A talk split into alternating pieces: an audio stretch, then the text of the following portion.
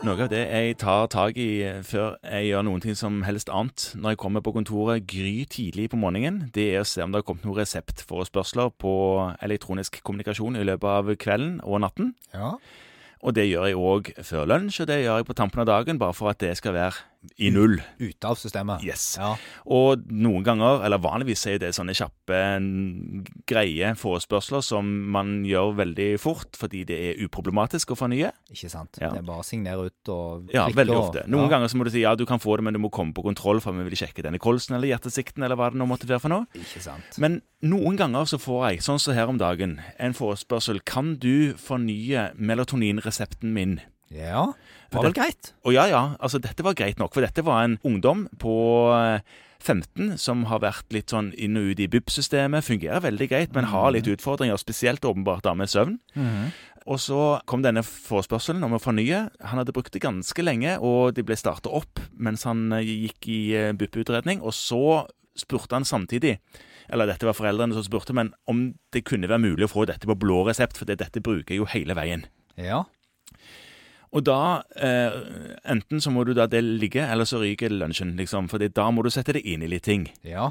For hvordan er dette? Det, for dette her er da en individuell refusjon. Ja. For Det er den er ikke forhåndsgodkjent. Den er ikke forhåndsgodkjent. og Det, det er jo klart at det er den listen vi kjenner godt til, som er de forhåndsgodkjente medisinene. Hvis man går inn på felleskatalogen og klikker på refusjon, så står det et punkt, og det punktet kommer også opp i journalsystemene til de aller fleste av oss. Ja. Sånn at det som er godkjent der, det vet vi om. Og det som ikke er godkjent der, der skal det da søkes om individuell refusjon. Ja, Og det er disse paragraf 3a og 3b-søknadene. Ja. Da blir man eh, litt matt. Dels fordi at det krever litt ekstra. For Ja. det er da det for deg bare trykke 'forny' og ferdig. Og dels fordi at det er ikke direkte eh, genialt, det elektroniske opplegget, iallfall ikke i vårt journalsystem, for hvordan dette fungerer. Nei, det er, det er jo litt variabelt fra system til system, så er det som oftest nå en eller annen sånn elektronisk søknadsmetodikk som i større og mindre grad henter nyttig informasjon fra journalsystemet og fylles ut. Du kan òg skrive ut dette i papir for Helfo sine hjemmesider og fylle det ut for hånd. Ja, og Helfo har jo òg gitt ut noe informasjonsmateriell med hvordan dette skal gjøres. Ja, eh, og så skal du sende det til jeg tror det er Tønsberg nå, av alle steder. Ja, Du skal Ja. iallfall sende det til et eller annet sted. Og det som jo oftere er litt sånn vanskelig, det er at man sitter og lurer på er dette noe vits i. Ja, altså å, å, å lage den søknaden. Ja, fordi at det er noen krav for å få dette godkjent. Ja. Og det som jo kanskje er lurt av det, minner om at disse kravene kan man til en viss grad sette seg inn i selv. Sånn at man slipper å sitte og sende søknader på kryss og tvers som åpenbart er mangelfulle. ja, og noen ganger så er det jo sånn at du må Altså, du må spørre en venn. Ja. Altså en eller annen spesialist i et annet fag enn det du er spesialist i, Ja.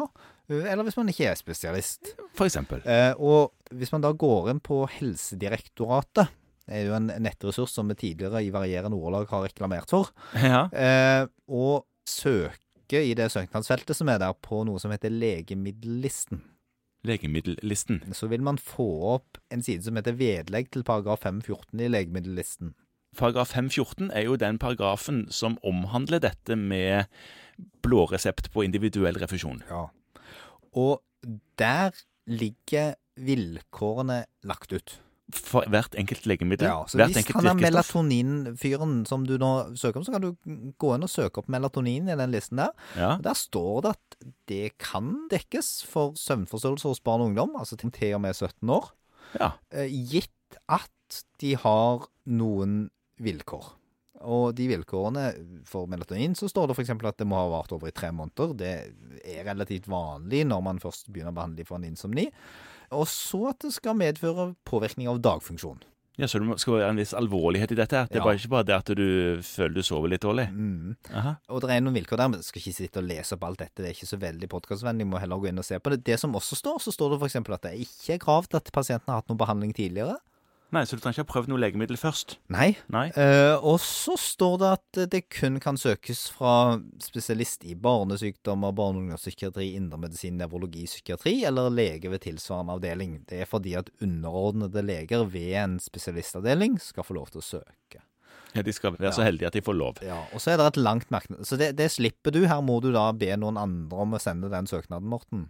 Ja, Ja, og eh, denne pasienten som du snakket om, har sikkert noe oppfølging på BUP. ja, han har det. Ja. Men det nytter ikke at du kan skrive i søknaden at du har konferert. Den søknaden må komme fra en av disse. Den søknaden må komme fra en av de. Ja, Ja, ok. Mm. Det som også står, er at det dekkes ikke ved søvnforstyrrelser ved autismespekterforstyrrelser. Nei, så du må styre unna den da, som Ja. BUP-pasient. Men Mhm. det er et svært merknadsfelt her som kan leses, og som det er lurt å sette seg inn i. Og det, det som det av og til går an å gjøre, er jo på en måte når du får den forspørselen, går dette på blå resept, så kan du ganske fort slå det opp her. Og hvis det ikke fins på den listen, Mhm. så er det liten vits i å søke. Da kan du søke både på virkestoff og på preparatnavn. Ja, jeg vil tippe at hvis du saumfarer den listen, så finner du ikke Viagra eller Sildenafil.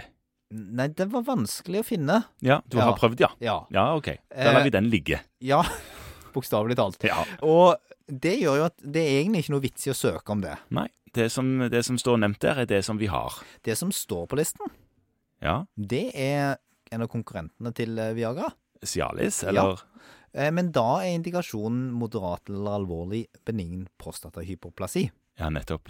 eh, Som er en indikasjon for den medisinen, og da kan man omsøke det. Men da er det av det, ikke fordi man har andre utfordringer hvor den medisinen benyttes. Nei. Nei.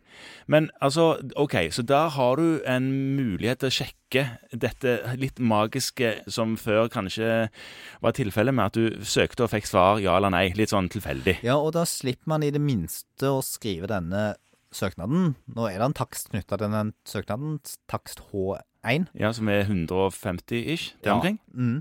Men det er òg noe med å kanskje kunne gi en litt mer kvalitativt god tilbakemelding til pasienten på hva pasienten kan forvente seg. Fordi at i og med at du har mulighet til å se på er kravene oppfylt i det hele tatt eller ikke, så kan du spare deg for litt arbeid, og pasienten får litt urealistiske forhåpninger i forhold til hva som kan dekkes og ikke dekkes. Og du kan skrive litt i den søknaden, f.eks. at dette her er ikke en autisme-spekterlidelsediagnose, for denne melatonin-fyren min. Ja. Eller det var ikke jeg som skulle skrive den, da, men det må den som skriver den, huske på. I dette tilfellet var det ikke du som skal skrive den. I en god del tilfeller er det du som skal skrive den. Ja. Da er det lurt å sette seg inn i hvilke kriterier som, og vilkår som er til stede.